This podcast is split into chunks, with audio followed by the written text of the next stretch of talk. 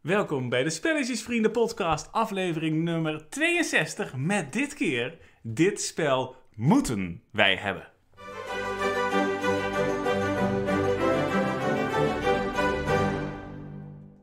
Moeten, moeten, moeten? Mogen is het tegenwoordig en niks moet meer. En wat we Jawel wel moeten, dit moeten we gewoon hebben. En we moeten nog wel even terugkomen op het spellenspectakel. Ja, nou ja, dat kunnen we gewoon kort en bondig houden. Het was hartstikke leuk, het was hartstikke druk. We hebben veel van jullie gezien en dat was super leuk en gezellig. Ja, helemaal mee eens. En we zijn eh, herkend en dat vind ik altijd vreemd. Want in het normale leven gebeurt het niet zo vaak. Maar op zo'n beurs met allemaal spellenliefhebbers... dan blijkt opeens dat heel veel mensen ons gezicht kennen. Goh, Ja. hoe zou dat nou toch komen? Ja, dat komt ook omdat we een film maken van onze podcast. Dat is natuurlijk fout nummer 1, want daar komt ons gezicht weer in beeld. En omdat we de hele tijd ons gezicht online zetten, zeg maar privacy is niet meer happening. Ja, maar vind je dat, vind je dat fijn? Ja, tuurlijk, dat is toch leuk? Ja, dat is ook leuk, inderdaad. Maar ik vroeg me af, misschien kun je ook denken van een beetje zoals Diana had. We zitten op dit moment midden in de crown. Het wordt te veel, dat kan ook. Nou, nee. Ja, nou, ik moet zeggen, ik vind het één dag vind ik het heel leuk. Zo'n Ja. spellenspectakel vind ik het super gezellig, maar het hoeft voor mij niet elke dag. Het is niet zo dat je op een gegeven moment denkt, het is te veel, ik doe een revenge dress aan en ik ga ja, ervoor. nee, precies. Je haalt twee hele rare gebeurtenissen door elkaar nu, maar nee, nee. Maar op het spellenspectakel vind ik het heel leuk. Goed, eh, dan is er nog iets anders gebeurd afgelopen week. Ja, namelijk een leuk feitje. Ja, nee, ik had een, een, een leerpunt. Een leerpunt. Ja, hij kwam van TikTok. Tuurlijk. altijd gevaarlijk. Ik ben maar benieuwd. ik zat op TikTok en het ging over de hik. En het hebben van de hik is heel rot. Daar kunnen we het over eens zijn. En ik heb buitensporige hekel aan het hebben van de hik. Ik heb heel vaak de hik. Ik had het al als baby in mijn moeders buik. Dat hebben meer baby's, geloof ik. Maar ik heb het zo intens dat ik word er zo zagrijnig van. Ik kan gewoon niet meer functioneren als ik de hik heb. Omdat het, het neemt mijn hele leven over. Het is Maar niet overdreven. Je kunt gewoon, je kunt je adem drie minuten inhouden. Je kunt Ja. iemand laten schrikken. Je kunt op je kop hangen. Je Ja. kunt drie keer, heb ik geleerd uit de Donald Duck, van oma Duck. Je kunt eh, water in je mond nemen, drie keer slikken met je oren dicht. Dan ben je er ook vanaf. Ja, nou dat werkt allemaal niet, kan ik je vertellen. Ik heb de afgelopen bijna 31 jaar ben ik nu heel veel geprobeerd. Het enige wat helpt is met je neus dicht water drinken. Zoveel mogelijk slokken achter elkaar. Maar zelfs dat duurt soms drie keer. Dus dan, dan ben je één grote klotsbuik voordat dat helpt. Maar dat is het enige dat, dat helpt. Tot maar nu Ja, heb, ik, heb ik de tip. ga er goed voor zitten, mensen. ga er goed voor Het is zitten. zo erg. Het is erg. als dit zo is, dan... Oké, dus die eh, meneer op TikTok, die zei... dat hebben van de hik, want dat slaat nergens op. Hè? Het is nergens goed voor. We, we zijn er in de wetenschap nog steeds niet over uit... waarom we dat nou hebben en hoe dat nou zit. Dat heb ik al heel vaak gegoogeld. Maar die meneer zei, en dat klopt, want dat heb ik al even gegoogeld... want ik dacht, dit is zo'n raar verhaal. Die meneer die zei, dat komt omdat wij afstammen van vissen. Zeg maar heel lang geleden Ja, kwamen wij van de vis. ja, En zijn we geëvolutioneerd naar dit. zeker. Nou, ja, dat is waar, hè? ja, we zijn miljoenen jaren bezig geweest. En dit is het resultaat. Ja, precies. Zei ze wijzend Moet- naar mij. Ja, Moeten we perfect. er blij mee zijn? Nee, maar dat geeft niet. Oké. Oké, maar we waren dus ooit vissen. En die hebben blijkbaar de hik. En die meneer op TikTok die zei... Als je de hik hebt, dan denkt je lichaam dat je een vis bent. Dus het enige wat je hoeft te doen... is jezelf te beseffen en wijs te maken... dat je geen vis meer bent. Dus nu, je hebt toch soms dat je zeg maar een hikje hebt... en dat dat ene hikje dan uit kan gaan naar echt onwijs de hik hebben... of je doet twee hikjes en het is klaar. Ja, Dat heb ik al twee keer gehad. En ik zeg dan dus hardop: ik ben geen vis. Nou ja, tot nu toe helpt het. ik laat even stilte vallen. Ja, dat lijkt me heel verstandig. Dankjewel. Ja, nou, eh, genoeg TikTok Dus- voor vandaag. Ik heb bijna zin om de hik te krijgen, omdat ik dan kan testen of het werkt. Ja, Dus iedereen die nu de hik heeft, je moet je gewoon tegen jezelf zeggen: ik ben geen vis. En dan ben ik benieuwd of het werkt. we gaan heel snel door mensen, naar het tweede item van vandaag. Namelijk, de vraag is, wat hebben wij de afgelopen weken gespeeld?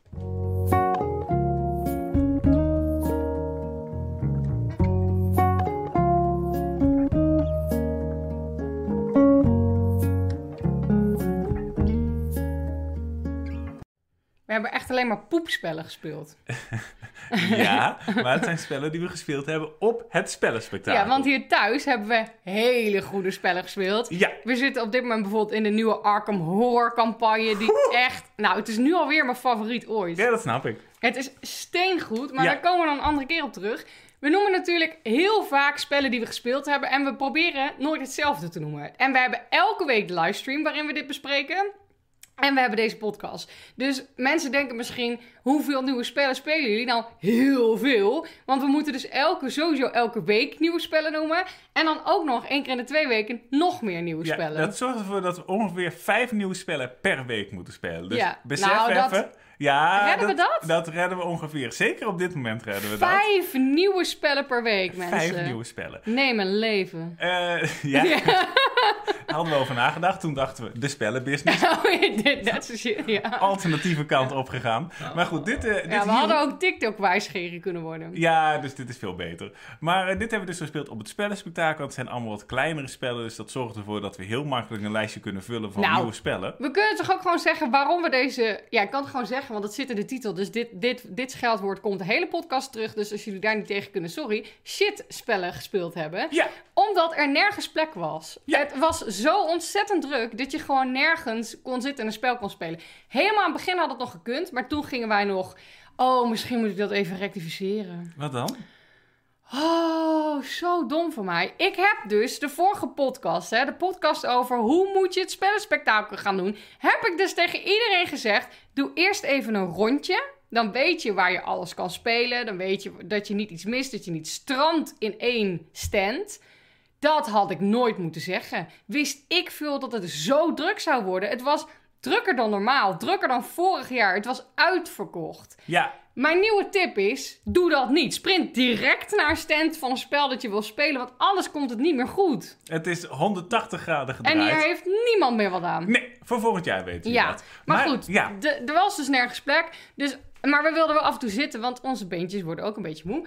Ehm, dus we hebben gewoon een paar keer echt shitspellen gespeeld. En sommige waren best wel grappig en verrassend leuk. Sommige waren echt verschrikkelijk. Maar het waren allemaal gewoon van die kleine spelletjes waar dan gewoon even niet druk was. ja, zoals de eerste bijvoorbeeld. En die vond ik Ja. verrassend leuk Ja. en voornamelijk door het idee. Dat spel is namelijk Oké Boomer. En mensen schrijven vast op voor bij de kerst, want bij de kerst Ja. komt dit helemaal tot zijn recht. Ik ga hem ook zeker meenemen met kerst. Wat is het idee? Je hebt vragen voor de jonge generatie, zeg maar de millennials en nog jonger. En je hebt vragen voor de oudere generatie. wij horen niet meer tot de jonge generatie, Geert. Maar goed, voor dit spel. Voor dit spel horen we wel bij de jonge generatie. Ja, dus het zijn vragen als: eh, wat is dit? Met een eh, foto van een cassettebandje. Maar het zijn ook vragen als: welke, welk tienerindol is dit op dit moment? Ja, nee, ja, maar het wordt erger. Want het idee is dus dat wij dus de vragen beantwoorden van de boomers. Ja. En dat de boomers onze vragen beantwoorden. En wij zitten natuurlijk een beetje op die grens.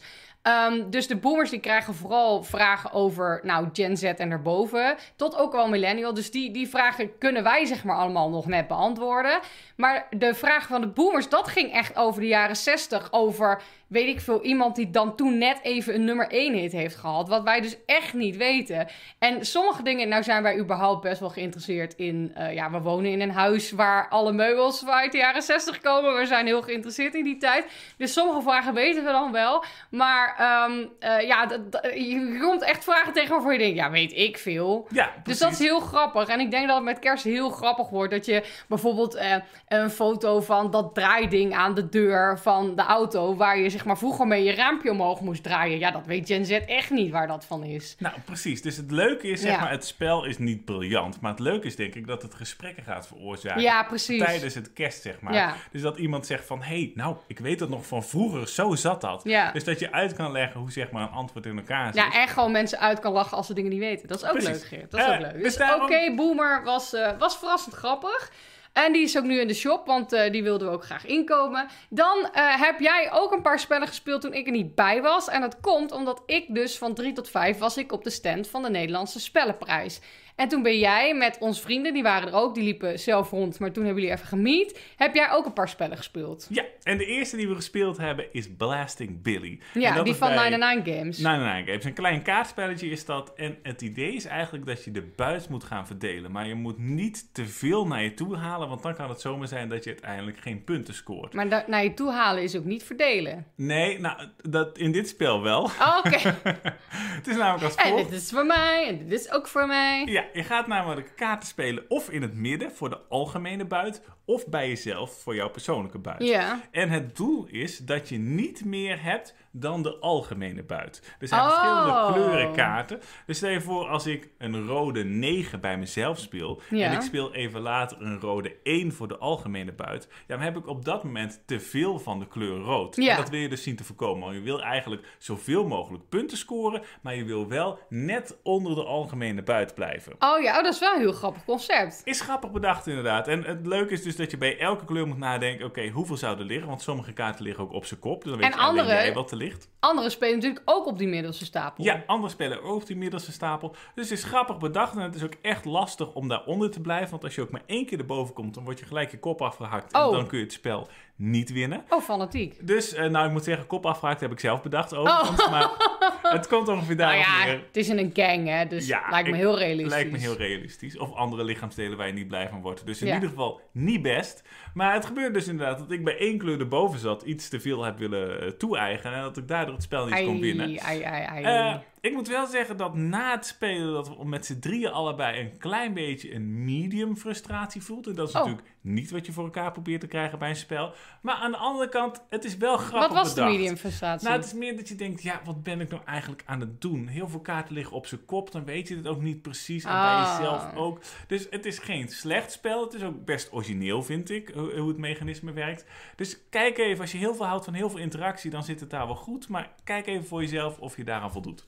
Oké, toen kwam ik weer bij jullie, of was ik nog bij jullie, en speelden we Shit Happens 50 Shades of Shit. Nou, zoveel shit in de titel en het is gewoon ook allemaal terecht. Oh, het was Het- echt erg. Oh, het, het idee... Nou, ik, Ik had niet- die kaartje in mijn handen. Ik dacht, als iemand me nu aanspreekt, dan weet ik niet hoe ik dit kaartje moet verklaren. Ja, ik zal Wat hierop staat, is echt 50 Shades. Ik zal even een voorbeeld bedenken wat zeg maar in de podcast kan. Oké, succes. Wat wel medium heftig Wat, is. wacht, wat was nou ook alweer het idee? Dat ben ik van schrik vergeten. Oh ja, je moest graderen hoe erg het is. Ja, je hebt allemaal een kaart en met er onderaan staat een, een nummer, zeg maar, hoe erg het is. Van 0 tot 100. Dus 100 is met z'n allen gaan we helemaal kapot op allemaal verschrikkelijke manieren. En 1 is bijvoorbeeld je stoot je teen tegen je bed aan. Dat ja, is maar dan 50 irritant. Shades gerelateerd. Ja, dan een stukje erger Ja. en een stukje groffer. Ja. Maar goed, je moet dus nadenken op het moment dat de persoon naast jou een kaart aan jou voorleest, moet je na gaan denken, oké, in mijn rij met rampen,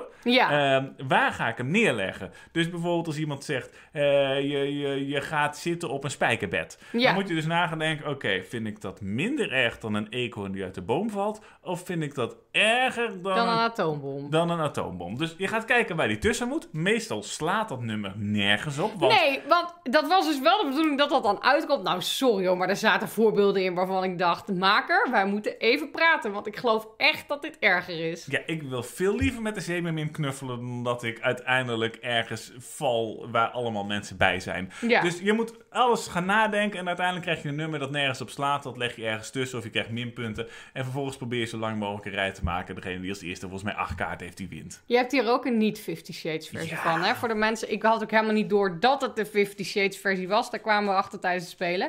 Maar ik, het, het, het principe is grappig. En als je dit met kerst wil doen en je wil lekker discussiëren, dan is dit denk ik heel leuk. Maar op Spiel was het vooral heel fijn dat er stoelen bij kwamen kijken. Ja, dus het Want was we, op Spiel, op het spellenspectakel. We Ja. wilden gewoon graag zitten. eh, niet al te best, maar ga er even naar kijken. Als je ook maar op één manier denkt dat dit grappig is, dan moet je zeker even kijken. Ja. Maar anders loopt er ver omheen. Nog een spel waar jullie ontzettend enthousiast over waren. Maar wat ik dus niet gespeeld heb. Ja, sorry. Hitster. Ja, en ik moet zeggen, aan het begin dacht ik...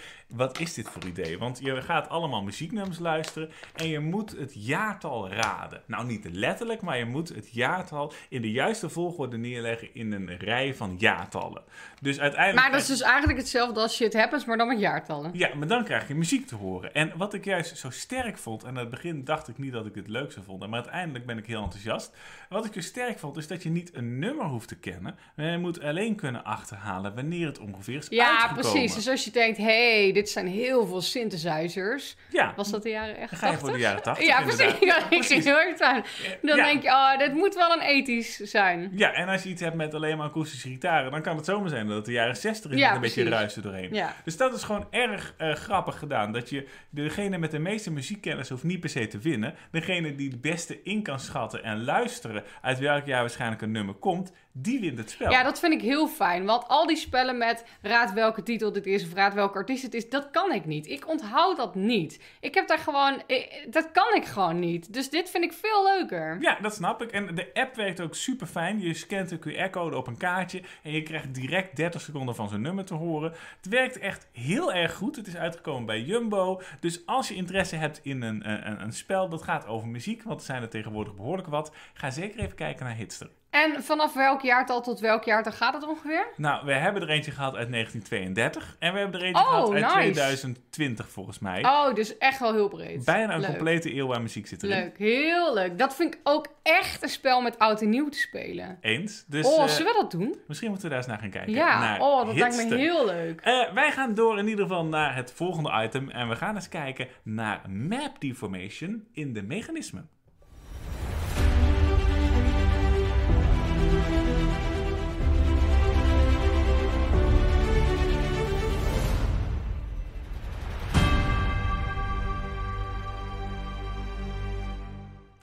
Ik ging weer naar Oma Board Game Geek voor dit item. En ik dacht, Mhm. oké, wat voor iets ga ik nu weer kiezen? Nou, we zitten nog best wel goed in die lijst hoor. Want ik heb vorige keer de podcast voorbereid. Toen dacht ik, ja, we hebben nog wel wat mechanismen te gaan. We hebben nog heel veel te gaan. Dat Maar klopt. sommige zijn niet al te duidelijk of hebben we geen goede voorbeelden bij. Nee, en soms lijkt het ook een beetje op elkaar. Ja. En vandaag is het ook een item waar we eerder al een beetje op terug zijn gekomen. Maar nu is het toch weer anders. Het gaat namelijk over map deformation. En een aantal weken geleden hadden we het over map destruction. Oftewel, je ging een kaart, het speelgebied werd steeds kleiner. Toen noemden we bijvoorbeeld Oh, Blood ja. Als voorbeeld. Ja, precies. Maar nu gaat het dus om map deformation. En op Board Geek staat als uitleg in het Engels: The map is modified during the course of the game through rotations or shift. Oftewel, het speelbord past zich aan. Het Ja. is niet per se dat het kleiner of groter wordt, maar zeg maar de, de, de speelstukken die je hebt, die worden anders neergelegd. Of er komen misschien wel speelstukken bij en gaan weer wat dingen weg. En daardoor wordt het spel steeds anders. Nou, hier hebben we drie voorbeelden bij. Die alle drie. Ja, oké, die derde is niet heel leuk. Maar.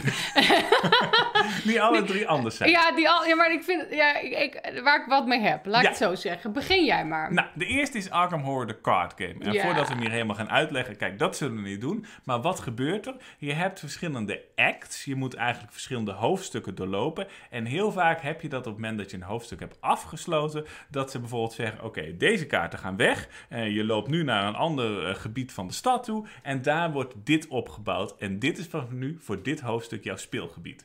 En dat zorgt er dus voor dat je nou, de- de, de kaart gaat aanpassen. Er gaan locaties weg, er komen locaties bij. En daardoor heb je eigenlijk elk hoofdstuk weer een andere, ja, een andere map. Ja, maar bij Arkham Horror hebben ze dit, dat map deformation, hebben ze gewoon uitbedacht tot de max. Daar Ja. hebben ze gewoon alles, elke keer denk ik weer, wat hebben ze nu weer bedacht met de map? Ik zeg het met, het is niet echt een plattegrond, maar met, met, met, de, ja, met de plattegrond. En elke keer verzinnen ze weer iets waarvan ik denk, wauw. Hoe Ja. kom je hierop? We hebben een keer gehad, dat kan ik volgens mij wel zeggen, want volgens mij staat het ook in de productomschrijving, dat we op een spin liepen. Ja, daar moest ik ook aan denken. En dat alle acht de poten waren locaties waar je heen konden. Ja, mensen, het heet Arkham Horror, hè? dus het is een horrorspel, er kan van alles gebeuren. We hebben een keer gehad dat er dingen onder water liepen. We hebben, nou, het is elke keer weer iets anders. Het is zo ontzettend gaaf. Ja, ik vind dat echt briljant bedacht. We hebben een keer gehad dat je een race had, dat telkens de laatste Oh, ja. locatie wegging. Dat Ja. je door een trein moest lopen. Inderdaad. Ja, Ja, dan helemaal Orient Express vibe. Dat je de hele tijd naar voren moest rennen in die wagons. Ja, bijvoorbeeld laatst hadden we bijvoorbeeld weer dat je een bad guy had. Die ging naar allemaal verschillende locaties toe. En die locaties veranderden telkens. En je moest die bad guy tegenhouden. Nou, Ja. Dat soort dingen vind ik heel erg tof. Dus Arkham Horror, de card game, is misschien wel het beste voorbeeld van een spel wat map die Ja, heeft. heel leuk.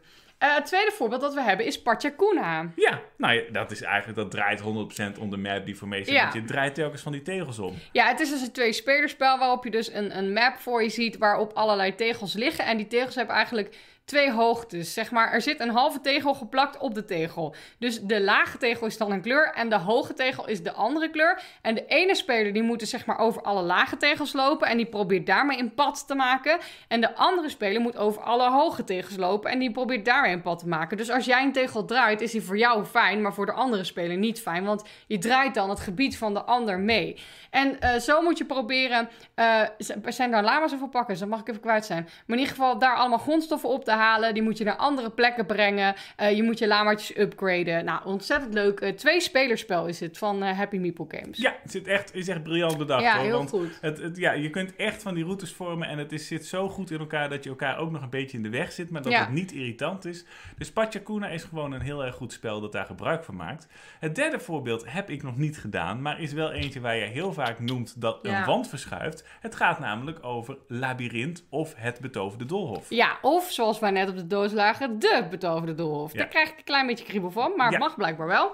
Eh, ja, dit is toch in de jaren negentig was dit het spel. Er dreigt gevaar een wand verschuift. Ik heb het al vaker over die intro gehad in een andere podcast. En daar komen nog steeds mensen op terug. Dus het heeft blijkbaar echt wat losgemaakt in de jaren negentig.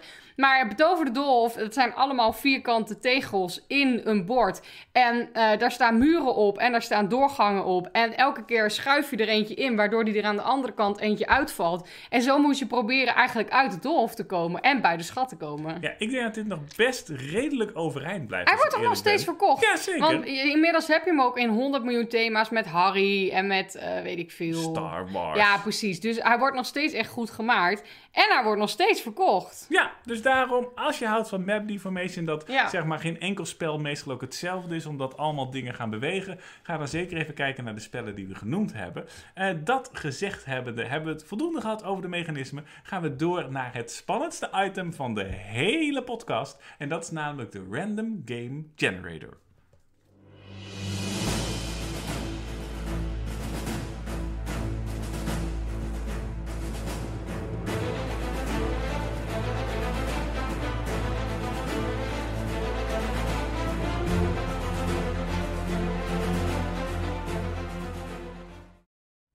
Ja, altijd weer spannend wat de BG Stats app vandaag verzint als onderwerp waar wij het over moeten gaan hebben. Ik heb hem hier. Ik druk op de roze dobbelsteen. Oeh. Oh, huh? Die hebben we toch laatst al Hier het gedaan? laatste over gehad. Dit is Deal of Merchants, de collection. Als je het hierover wil weten, ga even een paar podcasts terug. Dan komen Ja. we er uitgebreid op terug. Probeer nog een keer. Machiavelli! Maar dan deluxe. Ja, gewoon Machiavelli. Gewoon Machiavelli. Ja, er is net een nieuwe Machiavelli, dus misschien wel een goede timing. Ja. Machiavelli Refresh. Nou, Wat volgens mij gewoon een nieuwe uitgave is van de deluxe versie. Want Machiavelli is een spel wat al heel lang in onze collectie is. Mhm. Helemaal aan het begin speelden we bijvoorbeeld Dominion, speelden we Carcassonne, speelden we Ticket to Ride en Machiavelli. Want er is nog een foto dat we op vakantie waren in Polen. En dat is echt, nou ja, acht jaar geleden denk Ja. ik. En toen was Machiavelli mee. Ja, dat, ja, dat is acht, acht jaar en 40 kilo geleden. Dan zie je mij daar zo in dat gras liggen eh, met Machiavelli. Dat hebben we zoveel gespeeld daar. Hebben we superveel gespeeld. Ja, Nou, was echt leuk. wat is het idee van Machiavelli? Maar trouwens, we hebben Oh. afgelopen vakantie weer gespeeld. Ja, In het bordspelcafé in Italië. Klopt, want wat is het idee bij Machiavelli? Je gaat proberen eigenlijk zoveel mogelijk gebouwen te bouwen in je stad. En dat doe je met een geheime rol. Ja. Dus ik krijg een rol, jij krijgt een rol. En met twee spelers krijg je zelfs twee rollen. En elke rol heeft een bepaalde eigenschap. Dus je hebt de moordenaar, die kan een karakter helemaal uitschakelen. Je hebt de dief, die steelt iets van een ander karakter. Maar je weet dus niet wie welke speler precies is. En die worden één voor één opgeroepen. En als je aan de beurt bent, dan draai je je karakterkaart om. Dan laat je zien dat dat jouw rol is. Ga je allemaal kaarten bouwen en ga je de eigenschap van het karakter uitvoeren. Ja, en je probeert acht gebouwen te bouwen. En die probeer je dan... Volgens mij is het voorbij als je acht gebouwen bouwt. En dan moet je ook nog proberen gebouwen te bouwen van verschillende soorten. Dus eh, ze hebben allemaal een kleur. Dus je wil een paarse, een gele, een blauwe, et cetera. En je hebt dus elke keer een andere rol. Want elke beurt... Ja, je maakt dus bekend wie je bent. Dus dan is dat allemaal bekend. Dan shuffle je de rollen weer. En dan de beurt erna ben je weer een andere rol. En je mag dat ook kiezen. In het geval van twee spelers moet je soms ook kaarten afleggen. Zodat, er, eh, zodat je niet weet wie de ander gekozen heeft. Maar in principe kies je een rol en geef je het dan door als een soort drafting eh, mechanisme. En sommige rollen krijgen extra geld, andere krijgen extra kaarten. Sommige die zorgen ervoor dat je meer gebouwen kan bouwen. Eh, en je moet natuurlijk geld sparen waarmee je die gebouwen kan bouwen. Ja, dit is zo'n goed spel. Ja, dit blijft echt 100% Ja. overeind. En ook, je hebt ook de uitbreiding. Je hebt weer allemaal nieuwe karakterkaarten. Mhm. Dat je weer een hele andere nieuwe set hebt met speciale eigenschappen. Maar het is er ook al 100 jaar. Want dit jaar dus, sterker nog, volgens mij anderhalf maand geleden, is naar Nine Games gekomen dus met Machiavelli Refresh. En ja, als ik het goed heb, is dat dus de nieuwe uitgave van de deluxe versie. Die is heel lang niet leverbaar geweest. Het basisspel en de uitbreiding hebben ze ook nog los. Maar het beseft wel dat het dus een heel goed lopend spel is. Dat je nu weer met een nieuwe versie uitkomt. Het is zelfs zo erg dat de nieuwe versie al uitverkocht is bij Oh, Nine ja? Games. Ja, dat geeft wel aan hoe populair Machiavelli Oh, nog steeds stom. is. Maar is het, het kleine basisspel er nog wel? Want dat is dan echt een goed cadeau voor de feestdagen. Volgens mij is die er nog wel. Ik weet ook niet hoe lang het duurt voordat hij terugkomt. Maar Nee. ja, als een spel na nou, minimaal 15 jaar nog steeds in een Ja, maand tijd een bizar. druk kan uitverkopen. Dat vind ik echt heel knap. Dus ga zeker even kijken naar Machiavelli als je houdt van die geheime rollen en het opbouwen van een stad. Het zit gewoon briljant in elkaar. Yes. Nou, dan gaan we naar het volgende item, de wishlist. En dit is waar de titel om draait.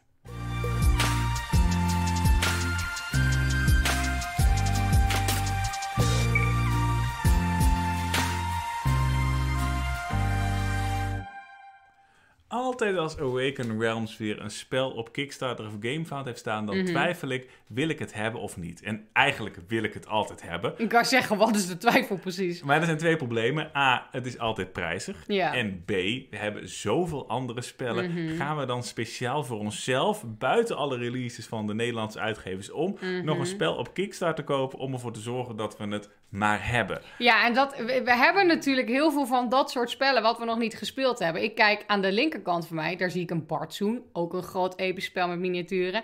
Aan de rechterkant van mij zie ik Aetherfields, als ik mijn hoofd om zou draaien. Ook een groot episch spel met miniaturen. Dus dan is elke keer de vraag, komt er weer een nieuw groot episch spel met miniaturen? Ja, Maar maar- dan lees je de beoordelingen. Ja, en ik moet heel eerlijk zeggen, het kan niet veel beter. Op dit moment, Precies. Op dit moment zijn er twee spellen waar eigenlijk de hele wereld laaiend enthousiast over is. Het zijn allebei grote coöperatieve avonturenspellen die op dit moment nog veel beter beoordeeld worden dan Gloomhaven zelfs. Het Dus- is het Geert en Marieke spel. Precies, en Danger Park. Ja. Allebei. Ja. En, met- En Harry Potter jaar of Zijste. ja, en Wingspan Afrika komt er ook aan. Dus, ja. Nee mensen, nee. Wingspan Azië, geen paniek. Eh, maar eh, eh, het gaat dus over twee spellen waar men meer dan een 9 aan beoordeling aan gehangen heeft. Het gaat om te beginnen over Oathsworn. Ik hoop dat ik het goed uitspreek, maar dat krijgt op dit moment bijna een 9,3 als beoordeling. Dat zijn dan een hoop beoordelingen. En als je kijkt dat Gloomhaven een 8,7 krijgt, is dit nog wel een hele stap hoger dan de nummer 1 best beoordeelde Mhm. spel ooit. En ISS Vanguard, want daar gaan we het vandaag over hebben, die krijgt een 9,1. Dat is natuurlijk ook briljant hoog. Nou, dus is hoger, dan wil ik eigenlijk die. nou, heel misschien komen we daar nog op terug, maar goed. Die doen we gaan volgende, volgende keer. We gaan het hebben over ISS Vanguard. Ja. En eh, je kunt altijd ons erop vertrouwen dat wij slim gegoogeld hebben, dat vertaald hebben met Google Translate. En daar kwam de volgende producttekst uit. En dat we het niet nagekeken hebben, dus hier komt weer een onsamenhangende tekst. ISS Vanguard is een coöperatief bordspel voor 1 tot 4 spelers. So far so good. In dit spel vind je jezelf terug in een episch sci-fi avontuur en ben je aan boord van het eerste menselijke schip met de mogelijkheid om de ruimte te verkennen. Tijdens het spel doorloop je een uniek verhaal geschreven door, dit komt niet door Google, maar ik ga het niet goed uitspreken, Krzysztof Piskorski van Tainted Grill. Vol pittige keuzes, wendingen en vertakkende verhaallijnen. Het spel wordt geleverd met meer dan 100 verschillende bemanningsleden, elk met unieke kenmerken. Zijn dit 100 miniaturen? Ik, nou, ik weet niet of in onze versie 100 miniaturen zitten, maar in ieder geval wel een hele hoop. De gameplay is verdeeld in twee hoofdfasen: de schipfase en de landing op planeten. Tijdens de schipfase beheren spelers hun schip. Je kijkt waar je je schip kunt verbeteren. Vervolgens bereid je je bemanning voor op de landing op de volgende planeet. Op zoek naar antwoorden op de grootste vragen van de mensheid. Samen kies je de lander en pas je deze aan met modules. Vervolgens kiest elke sectie een bemanningslid om de missie op zich te nemen.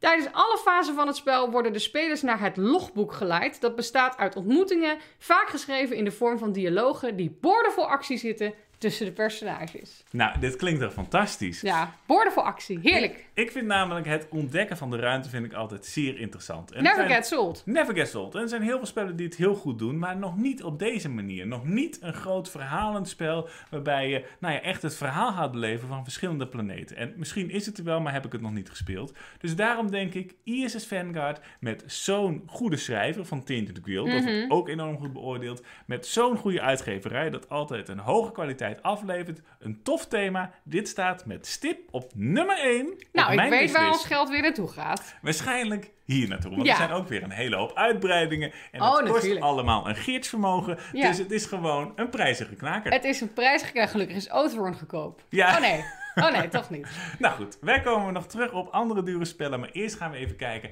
naar misschien wel het favoriete item van de podcast. Namelijk, we gaan verder met onze Board Game Geek Top 2000 in de top 10. Ik vind dit de leukste intro. Daar ga ik altijd een beetje van dansen.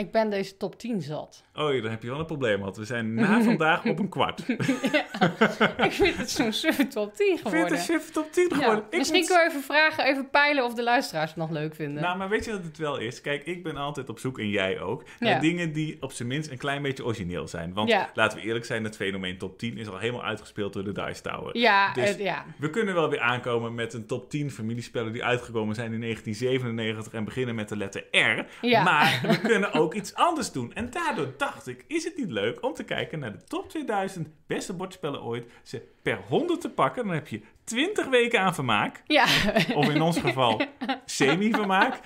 En dan ga je gewoon bij elke 100 kijken van oké, welke vind ik het leukste en welke niet. ik heb ook complimenten gegeven over het idee, maar de uitwerking is een beetje saai. Een beetje ik. saai vind je. Ja, dat vind ik een beetje saai. Ik vind het leuk dat we het hebben over spellen waar we het nooit over hebben. Ja, En- dat is dan wel weer leuk. Nou, mensen, vinden jullie dit nog leuk? Moeten we hiermee doorgaan? Of moeten we toch weer de top eh, 10 eh, bordspelletjes eh, die je achterstevoren kan spelen? Ja, nou kijk, het nadeel is wel dat er soms ook spellen in zitten die niet altijd best zijn en Nee. waar ik niet altijd Nee. veel over te vertellen heb. En het beste komt natuurlijk nog. We zitten pas op de kwart. Ja, Dus het- is niet het beste deel van de Boardgame Geek Top 2000. klopt. Maar het fijne is wel, dit hadden we meer dan 10 spellen om uit te kiezen. Dus het is gewoon een volwaardige top 10 geworden. Oh, fantastisch. Eh, met op nummer 10 het briljante, het fantastische, maar wel met een leuk thema, Here to Slay. Ja, daar kan ik echt niks meer over vertellen. Nee, dat snap ik. Ik ook niet. Maar ik moet wel zeggen... eh, te- voordat het uitkwam dacht ik... Oké, dit is interessant. Want het is een spel in de categorie... Zeg maar Exploding Kittens, Ja. Unstable Unicorns. Gewoon een grappig partyspel. Maar het werd een beetje gepresenteerd als een spel... Als een rollenspel. Alsof dat erin Ja. zou zitten. Kijk, dat zie ik niet helemaal. Maar het is wel een schattige helden die op avontuur gaan. Het wordt goed verkocht, daar kan ik niks van zeggen. Het wordt goed verkocht. Ik zou hem ook niks verbazen als hier ooit misschien wel een Nederlandse versie van komt. Op dit moment is die alleen Engels. Maar Here to Slay is grappig als je een beetje houdt van dat genre spellen. Ja, precies. Op nummer 9 staat Adventure Games. En hier weet ik wel wat over te vertellen. Want er waren, volgens mij worden ze niet meer gemaakt. Maar er Nee. waren twee Adventure Games in het Nederlands. Je had Het Gevang en Monogram Inc. Ja, en één was supergoed. Echt heel leuk. Die had Bastiaan van Nox Spellenzolder ook ontzettend goed beoordeeld. En hij, want we, ik keek achteraf naar wat vindt hij ervan. Hij had precies hetzelfde als wij. Want die ander was echt ruk. Ja, die was niet best. Die Nee. was echt verschrikkelijk. Weet jij nog welke... Volgens mij was het Gevang goed. Ja, het gevang was goed, want het gevang deed een beetje mij denken aan Time Stories. We Ja. waren toen net uit Time Stories en daar deed het me een beetje aan denken. En toen dacht ik, oh gelukkig, er zijn nog meer geweldige spellen. Ja, want dit is zo'n ja, zo'n klein escape room spelletje eigenlijk met het Mhm. formaat van een exit. Maar ik vind het veel meer dan een exit, tenminste Ja. deel 1. Want Ja. er zit een enorm verhaal in met allemaal Nou, keuzes. enorm, er zit een leuk boek in. Er zit, nou, het zit er best een boek. Ik het is vind- geen ISS Vanguard, dat Nee, is een enorm klopt, verhaal. Maar je kunt hem wel vaker spelen, omdat je zeker niet alles ziet Oh tijdens ja, de dat is sessie. waar, ja. Ja, Oké, een enorm verhaal zit erin. voor een escape room een groot verhaal. En eh, je gaat dan over het, het bord bewegen. Je kunt interactie hebben met allemaal verschillende dingen. Je kunt ook dingen combineren, een beetje zoals Unlock. Ja. ik vind dat eerste deel, als ik heel eerlijk ben, een van de betere thuis escape room spellen die Zeker. in massa zijn uitgegeven. Zeker 100% mee eens. Maar toen gingen we dus die tweede spelen. Toen dachten we, huh, wat is dit? Ja, dat Dit is helemaal niet leuk. Nee, die hebben we ook niet eens afgemaakt. Nee? Nee, nope. Oh, dat is wel heel erg dan. Ja, erg. Wat was er zo erg, wat was er zo erg aan? Ja, we snapten het niet. Dat is het probleem. Ja, Maar Bastiaan was het met ons eens. Die vond het ook niet leuk. die vond hem ook niet Ja, leuk. dus Bastiaan dat zegt, is het waar. Ehm, Op ja. nummer 8 staat Harry Potter Defense Against the Dark Arts. Ja, dat is het vervolg op Harry Potter Hogwarts Battle. Een heel Is erg goed spel, vervolg, vind ja? ik. Nou, het is niet... Het net- lijkt heel erg op Ja, het zit ook in hetzelfde, hetzelfde genre, zeg maar. Harry Potter. Ja, Goed. het is ook door hetzelfde team gemaakt, want wat is het idee? Je gaat een beetje zoals bij Harry Potter Battle, ga je ja, een deck beelden, ga je proberen Ja. zo goed mogelijk deck op te bouwen. Sommige kaarten komen ook letterlijk overeen. Maar dit keer ga je niet gezamenlijk tegen een bad guy vechten, maar moet je het tegen elkaar opnemen. Ja, volgens mij ben je ieder een huis. En nee, het is dus zeg maar een bord waarin iemand in het midden staat. En die kan of helemaal naar jou of helemaal naar mij. Ja, Maar dan andersom met mijn hand. En dan eh, is het gewoon degene die als eerste iemand helemaal naar een kant heeft weten te slaan, eh, toveren, die heeft gewonnen.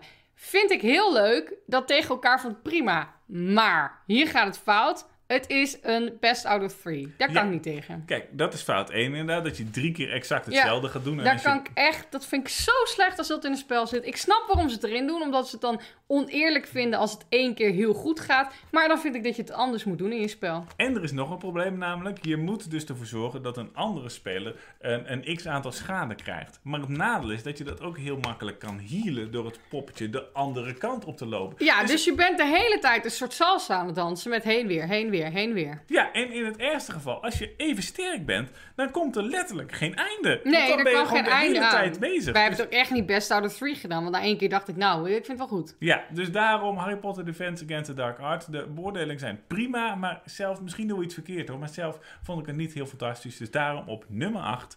Op nummer 7 een spel wat jij eigenlijk herontdekt hebt. Ja, klopt. En dat is Chocolate Factory. Ja, Chocolate Factory vond ik toen wij hem zelf speelden. Maar ik denk dat wij hem op een verkeerd moment hebben gespeeld toen we al een beetje eh, moe waren van spellen of zo. Toen vond ik er niet zoveel aan. En toen deed ik het jaren later, jaren later, waarschijnlijk een jaar later, op Board Game Arena. Iemand nodigde me uit. Toen dacht ik, oh, nou weet je, grappig, dat ken ik. Dat spelen we een keer. Moest ik wel weer even opzoeken hoe het over ging. Toen vond ik het verrassend leuk. Toen dacht ik, oh, dit is veel leuker dan ik dacht. Je hebt een, een lopende band. Dat is eigenlijk gewoon dus een tegel die eruit gaat aan de ene kant. En dan stop je hem dan aan de andere kant weer in. En zo is het zeg maar een soort lopende band. Het betoverde doolhof. Ja, precies, het betoverde doolhof. Ehm, en dat is eh, een band waar je chocolade op maakt. Dus in principe stop je er cacao in en dan kan je er allerlei dingen aan veranderen. En dat kan je ook steeds weer opbouwen. Dus daar kan je weer nieuwe automaten aan maken, zodat er weer iets anders gebeurt.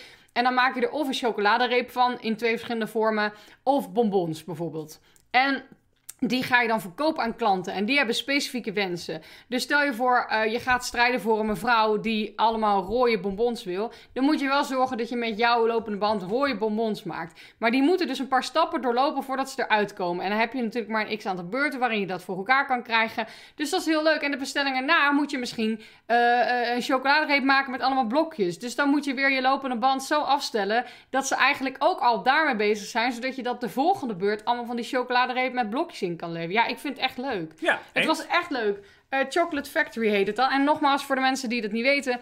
Als je naar YouTube gaat, in de beschrijving van de video... daar staan alle spellen die we deze podcast noemen gelinkt. Kan je gewoon doorklikken, dus je hoeft het allemaal niet te onthouden. Maar daar vind je alle linkjes en alle namen van de spellen.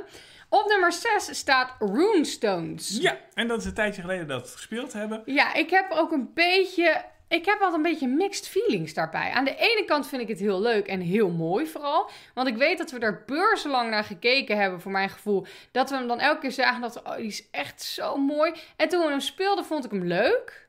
Punt. Ja, het is een beetje een, een tusseninvalspel. Het is echt niet slecht. Nee, maar, Maar het is ook niet fantastisch. Het is ook niet fantastisch. Het is gemaakt door Rudiger Dorn. Die kun je kennen onder andere van Istanbul. En hij maakt wel vaker spellen die gewoon echt goed in elkaar zitten. Ja. En daar is eh Runestones ook weer een voorbeeld van. Het is een tijdje geleden, maar het is volgens mij een deckbeelder. Je gaat proberen een zo goed mogelijk een deck op te bouwen van kaarten. En er zit nog een speciale eigenschap in met op het moment dat je kaarten speelt, moet je ook nog een andere actie uitvoeren, waardoor je deck telkens weer wat kleiner wordt. Het materiaal wat erin zit is mooi. Je moet verschillende van die, van die steentjes verzamelen. Ja, het ziet er echt goed uit. Het is gewoon echt een typische 7. Hij heeft ook twee uitbreidingen, dus men was ook enthousiast. Maar het is inderdaad een typische 7. Ja. Ja.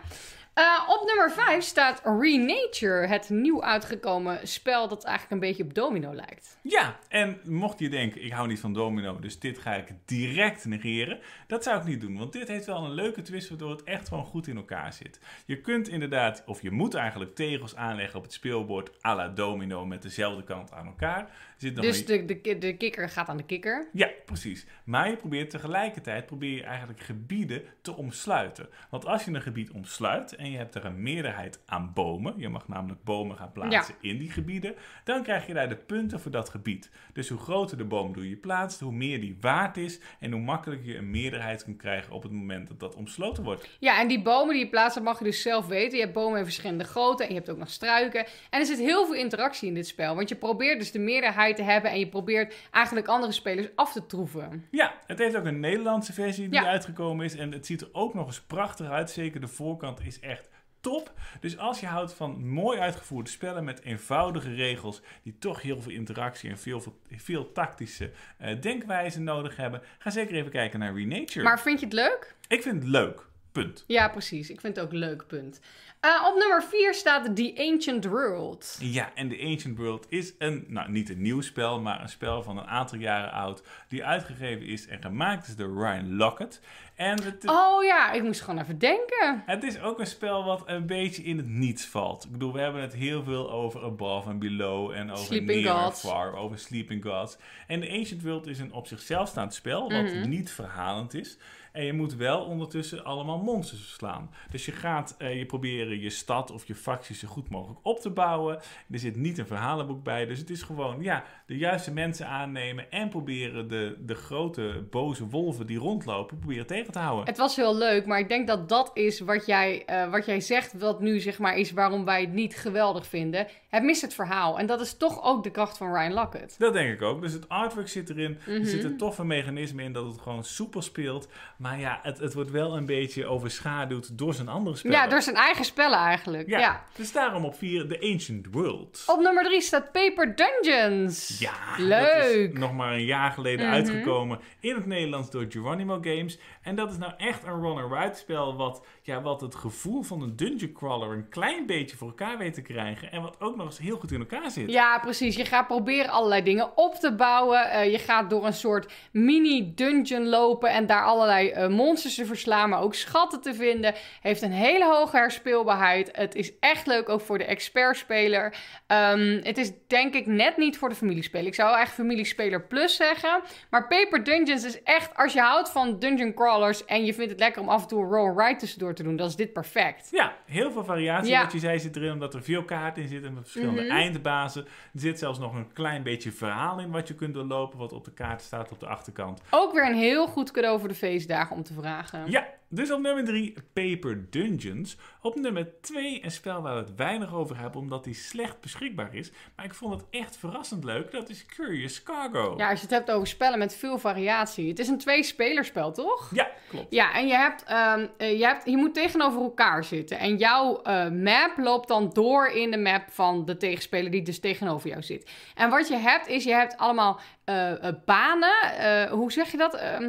Ja, een soort rollerbanden, maar dan een soort fabrieksbanen, zal ik maar zeggen. En die moet Ja. je proberen te laten doorlopen. En je hebt allemaal vrachtwagens. En als dus die lijnen helemaal doorlopen, dan kun je dus met de vrachtwagen het goed wegrijden. En daar krijg je punten voor. Echt heel goed gedaan. Ja, en het thema vind ik ook leuk, Ja. want het thema was namelijk, staat op het boekje, dat je een fabriek binnenkomt en denkt, nou, wat gebeurt hier nou, wat zijn ze hier aan het maken? Maar je buurman aan de overkant heeft hetzelfde probleem en begint opeens allemaal dingen te produceren. Ja. Dus jij denkt, ik ga het ook doen, niemand weet wat je maakt, maar het moet wel zo snel mogelijk weggaan. Ja, het, is, het, ziet er gewoon grappig uit, het zit heel slim in elkaar. Is misschien wat pittiger dan je nu op dit moment Ja, denkt. het is echt pittig hoor. Het, het is echt wel, nou, een kennerspel sowieso. Ja, dus Curious Cargo, als je hem nog ergens kan vinden, is echt een goed twee-spelerspel. Op nummer 1 een spel wat er niet uitziet, maar wat wel slim in elkaar zit. En wat een beetje Cascadia plus plus is wat mij betreft. En dat is Overboss. Ja, maar het is de bedoeling dat het er niet uitziet, hè? Het Ja. is dus helemaal in die, die eindboss-vibes, pixelige beelden van de jaren 90. Dus het, ja, overboss is volgens mij ook gewoon een eindbaas, toch? Volgens mij wel. Nou, dus je, je hebt inderdaad eh, je, hebt je eigen spelerstableau en dan ga je gebieden opmaken. En dat is inderdaad à la Cascadia. Probeer je gebieden te laten doorlopen of juist niet ligt eraan wat het doel is van die specifieke gebieden. En je hebt ook nog, in plaats van dat je dieren legt op het gebied, wat je doet bij Cascadia, heb je hier ook nog monstertjes die je op die eh, tegels plaatst. En er zit heel veel variatie in, want er zijn ontzettend veel verschillende soorten tegels die je op honderd manieren kan plaatsen. En je hebt elke keer andere doelen. Het is echt heel leuk. Het is heel erg leuk. En eh, ja, je moet eens even door het artwork heen Ja, kijken. nou ja, je moet ervan houden. Ja, en het is echt niet zo moeilijk als je misschien Nee, denkt. als het is heel makkelijk. ziet. Het is heel makkelijk, maar veel variatie, tof thema, heel Ja. veel verschillende dingen die erin zitten. Dus Overbos is wat mij betreft daarom dik verdiend de nummer 1 in deze top 10. Nou, was weer een lekkere top 10. Ik vond ik het toch wel weer leuk. Goed om te horen. Gaan we door naar de luisteraarsvraag van Linda.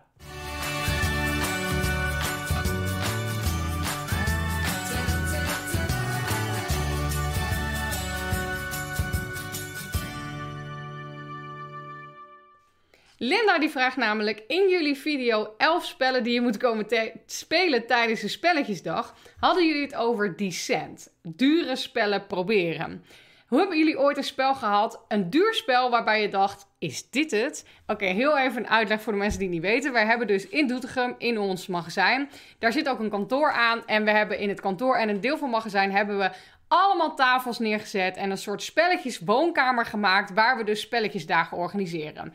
Kijk daarvoor als je daar een keer heen wil, zou superleuk zijn. Kijk even op despelletjesvrienden.nl slash ticket, daar staat alle informatie. Tickets is het trouwens. Ehm, en daar vind je dus alles wat je moet weten en op welke dagen je zou kunnen komen. Daar staan dus op dit moment meer dan 800 spellen die je kan komen proberen. Het is gewoon onze eigen collectie namelijk. Onze persoonlijke spellencollectie staat daar.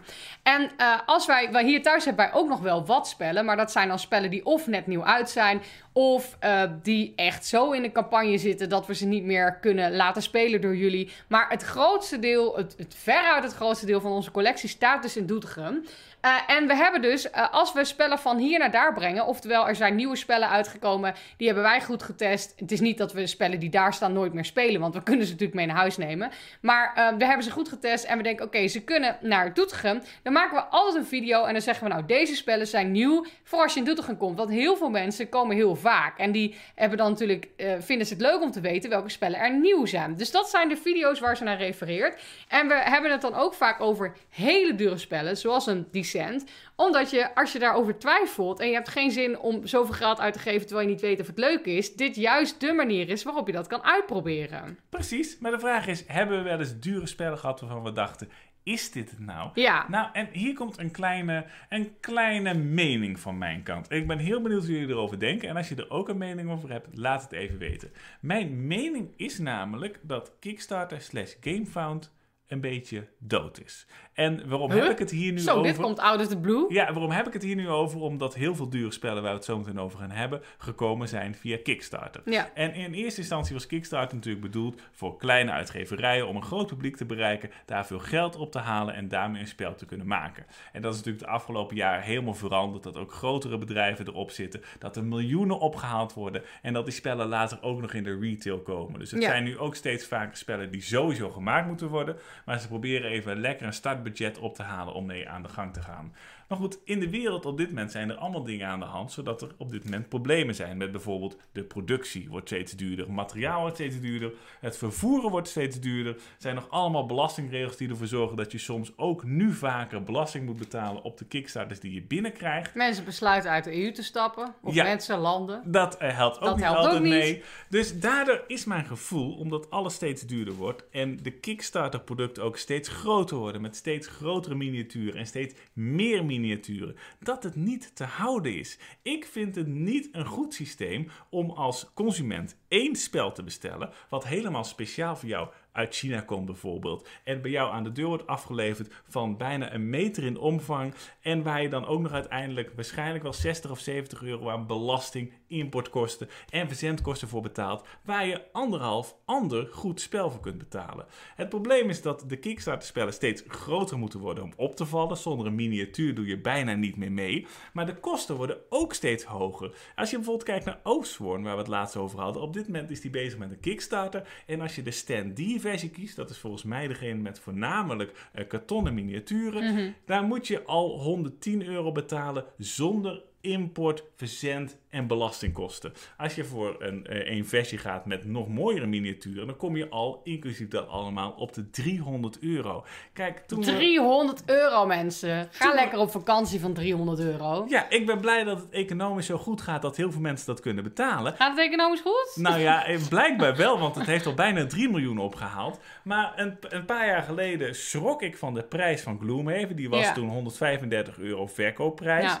En als je dat nu vergelijkt met spellen die soms, zeker bijvoorbeeld bij Marvel United, als je daar helemaal al in wil gaan, dan, dan ga je over de 700 euro heen. Ja, ik vind het gewoon Maar ja, ik zeg ga op vakantie, maar dan is het na een week of een weekendje klaar. En hier heb je jaren plezier van. Dat je hele leven als je geluk hebt. Ja, je krijgt ook echt een hoop. Maar we Ja. kunnen misschien onszelf wel even afvragen: is dit de juiste manier Ja. om de bordspelwereld uit te breiden? Want het is ook nog milieutechnisch, denk ik, niet heel handig om enorme dozen te gaan verzenden met allemaal plastic miniaturen. Terwijl spellen die eh, zeg maar in de retail uit gaan komen, vaak iets soberder uitgegeven wordt. Maar ik vind wel dat je daar de kracht van het spel eigenlijk altijd alsnog uit kan halen zonder alle extra van Kickstarter die erin zit. Dus daarom is even, voordat we gaan kijken naar dure spellen die iets te duur waren uitgegeven, is dus mijn mening dat Kickstarter en Gamefout misschien op de huidige manier met de huidige kosten en de steeds groter wordende spellen misschien niet houdbaar is. Ja, ik vind het heel interessant. En ik denk ook dat ik het met je eens ben. Maar toevallig is deze discussie laatst ook in de DSV Club gevoerd op Telegram. Heb je dat gezien? Ik heb het gezien. Ja. Oké, nou daar vond ik ook wel weer een interessante mening eh, die naar voren kwam. Ik geloof dat die van Gino was, maar als ik nu meningen koppel aan mensen die niet kloppen, sorry.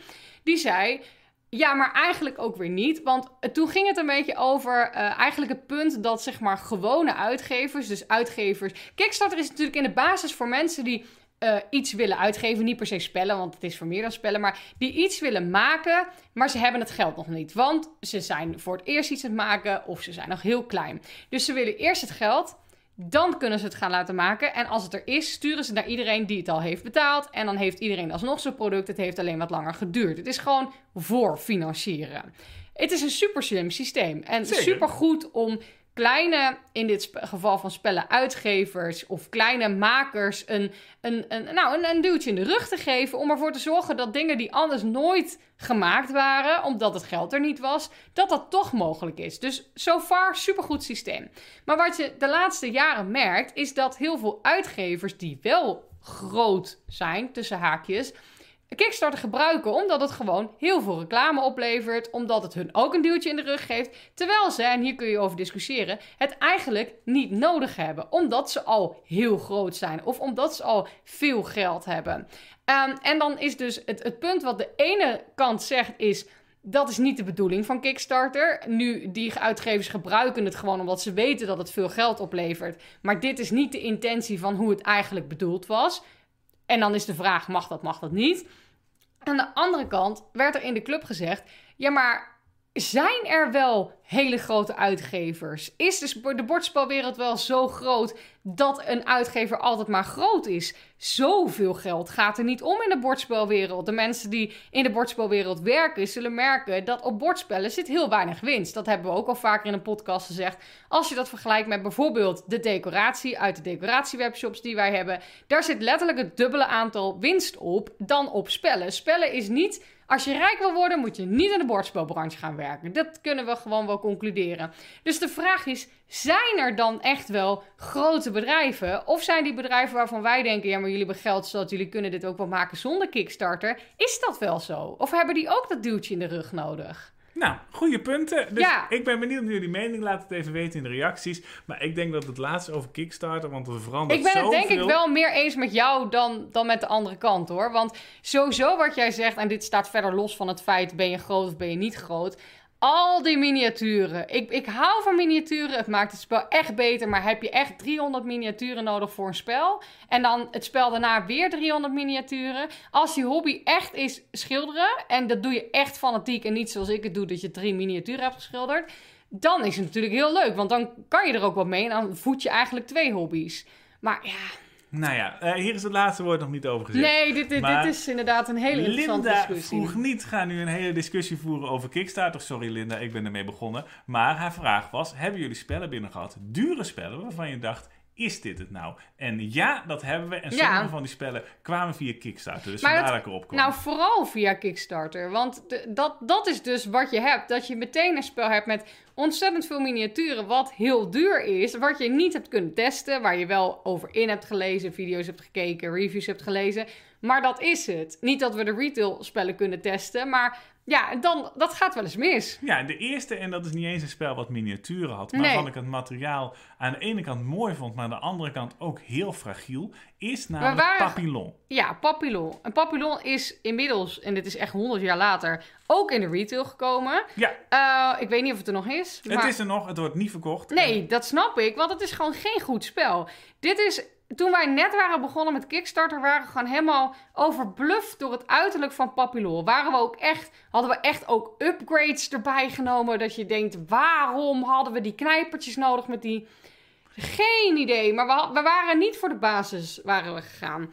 En Papillon is super mooi, het ziet er heel mooi uit, maar het is gewoon geen goed spel. Nee, en daarnaast vind ik ook, je hebt het over die knijpertjes waar die vlindertjes op zitten. Je moet Ja, die zaten er denk ik basis Ja. in. Maar we hadden iets geupgrade wat totaal onnodig was. Maar je moet die knijpertjes moet je inderdaad op de bomen doen en daarmee geef je bepaalde dingen aan. Of op de plant Ja. inderdaad. En ja, het werkt aan de ene kant wel, maar het zijn wel hele fragiele kleine knijpertjes. Ja. Dus als je het materiaal bekijkt, denk je alsnog, heb ik hier nou inclusief verzendkosten 70 euro voor betaald? Want ik voor hetzelfde geld had ik Everdell kunnen hebben, wat er wel prachtig uitziet. En wat een goed spel is, want het spel vind ik nog het meest problematisch. Ja, dus dat is probleem 1. We hebben ook wel eens, en ik mag even kwijt zijn of dat nou Bloodborne was of een, ik denk dat het toch een andere was.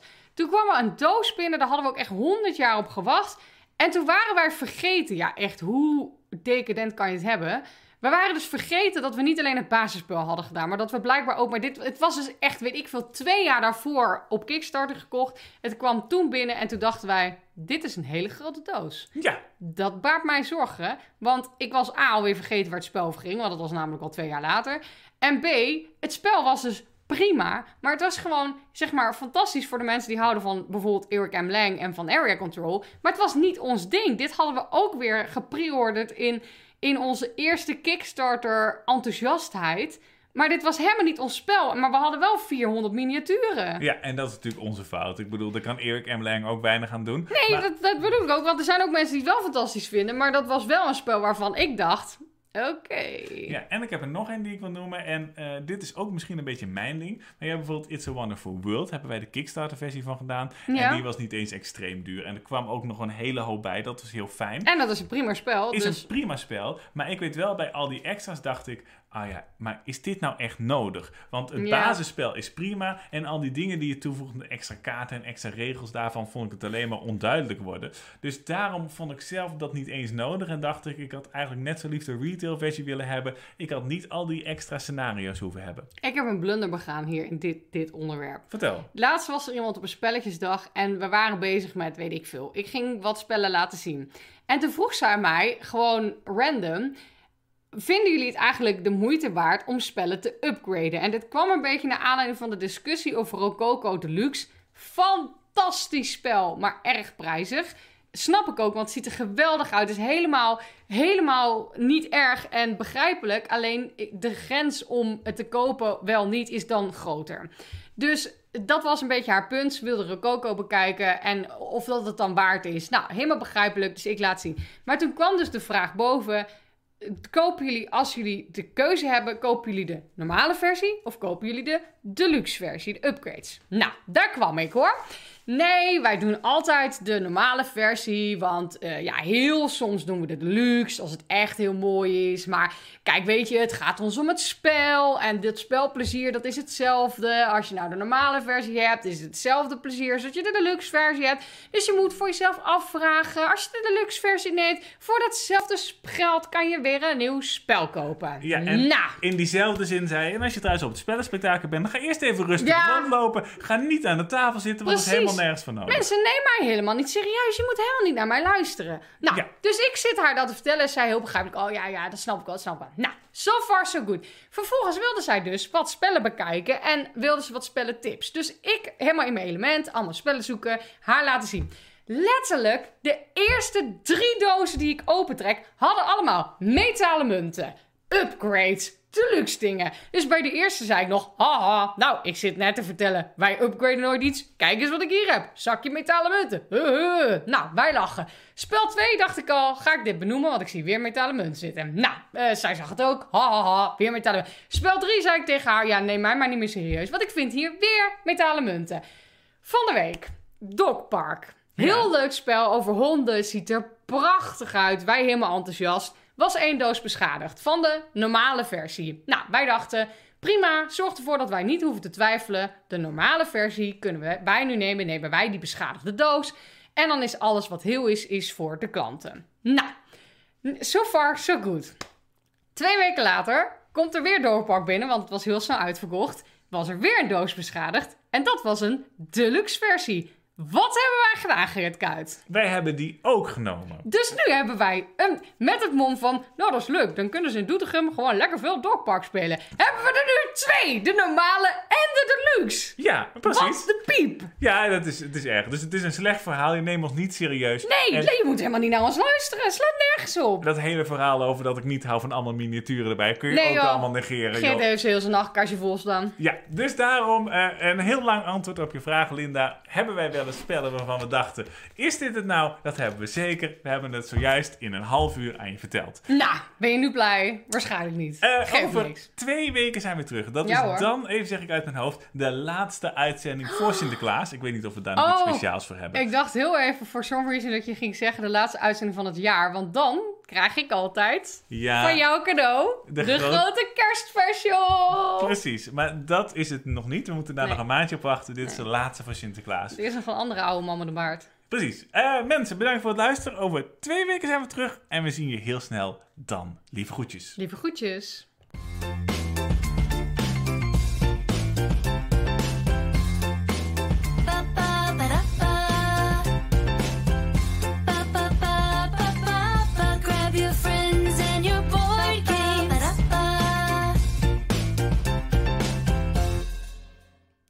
Ik wil het even met je hebben over onze Shelf of Shame. En dit is niet per se een dijengeletsend einde, maar het, het loopt namelijk uit de hand. Ja, het loopt echt uit de hand. Wij gaan zo meteen na het opnemen gaan wij naar Doetinchem toe. Mhm. Daar komt de uitbreiding van Meadow binnen. Daar komt Planet... Oh, echt? Ja, Komt ja. er vandaag? Komt Planet B komt binnen. Dus Hmm. dat zijn weer twee spellen die op dit moment op de Shelf of Shame binnen gaan komen. In de bordspelshow hebben wij een item. namelijk de Shelf of Shame. En het Die idee doen we was... af en toe.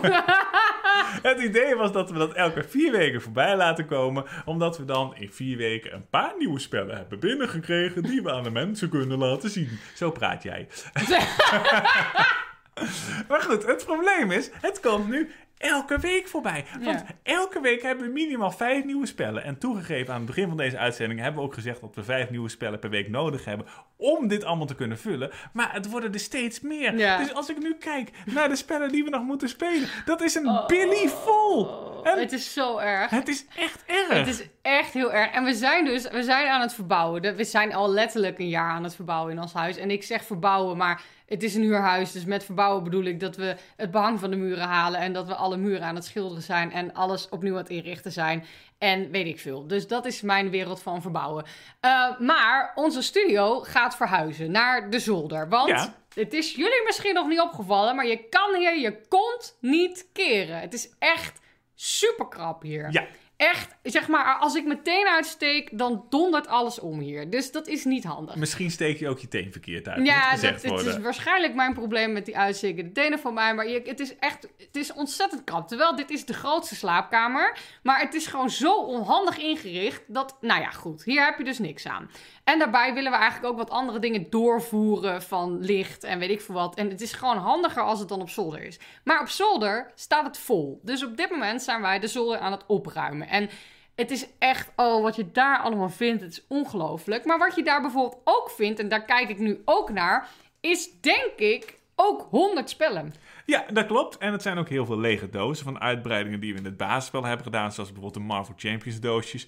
Maar er staat inderdaad nog veel meer aan, aan spellen. Ja, het- eh, ook Het dat staat vol. Dat gaat dus ook allemaal nog naar Doetinchem. Dus er komen zometeen weet ik veel hoeveel spellen bij. Want die stonden blijkbaar allemaal op zolder. Maar ik wil dus boven, als we dus de studio verhuisd hebben... eh, dat gaat nog even duren... wil ik dus echt ook een kast... of in ieder geval een paar een stellingkast met... dit is allemaal nieuw binnengekomen... En dit is bijvoorbeeld goed gespeeld en dit gaat naar Doetinchem. En ik graag bakjes. Weer bakjes. Nee, Laten we daar eens een discussie over voeren. Ja, heel nou ja, ik, ik, ik, ik voeg wel steeds meer bakjes toe aan zolder. Daar kun je niks van zeggen. Ja, dat Het wordt- gaat goed met de hoeveelheid bakjes. Het gaat iets te goed met de hoeveelheid bakjes. Maar goed, de afgelopen weken is ook wel vastgesteld dat ik in dit huishouden bijzonder weinig te zeggen heb. Behalve, Geert, ga je koken? Ja, ik ga Ja. koken. Dat mag Ja. ik nog doen. Wat gaan we eten? Ja, dus, eh Wat gaan nou we ja, eten? eh, dat heb ik nog niet Oh, besloten ik denk gnocchi, want ik zag dat die nog... Oh, dat zeg ik niet goed, hè. Knakkie. Ja, dan gaan we eten. Ja, Eh, mensen, bedankt voor het luisteren. Wij gaan even in onze Chef of Shame duiken, want het is Ja. hoog nodig dat er spellen gespeeld worden. En over twee weken zijn we terug. Lieve groetjes. Lieve groetjes!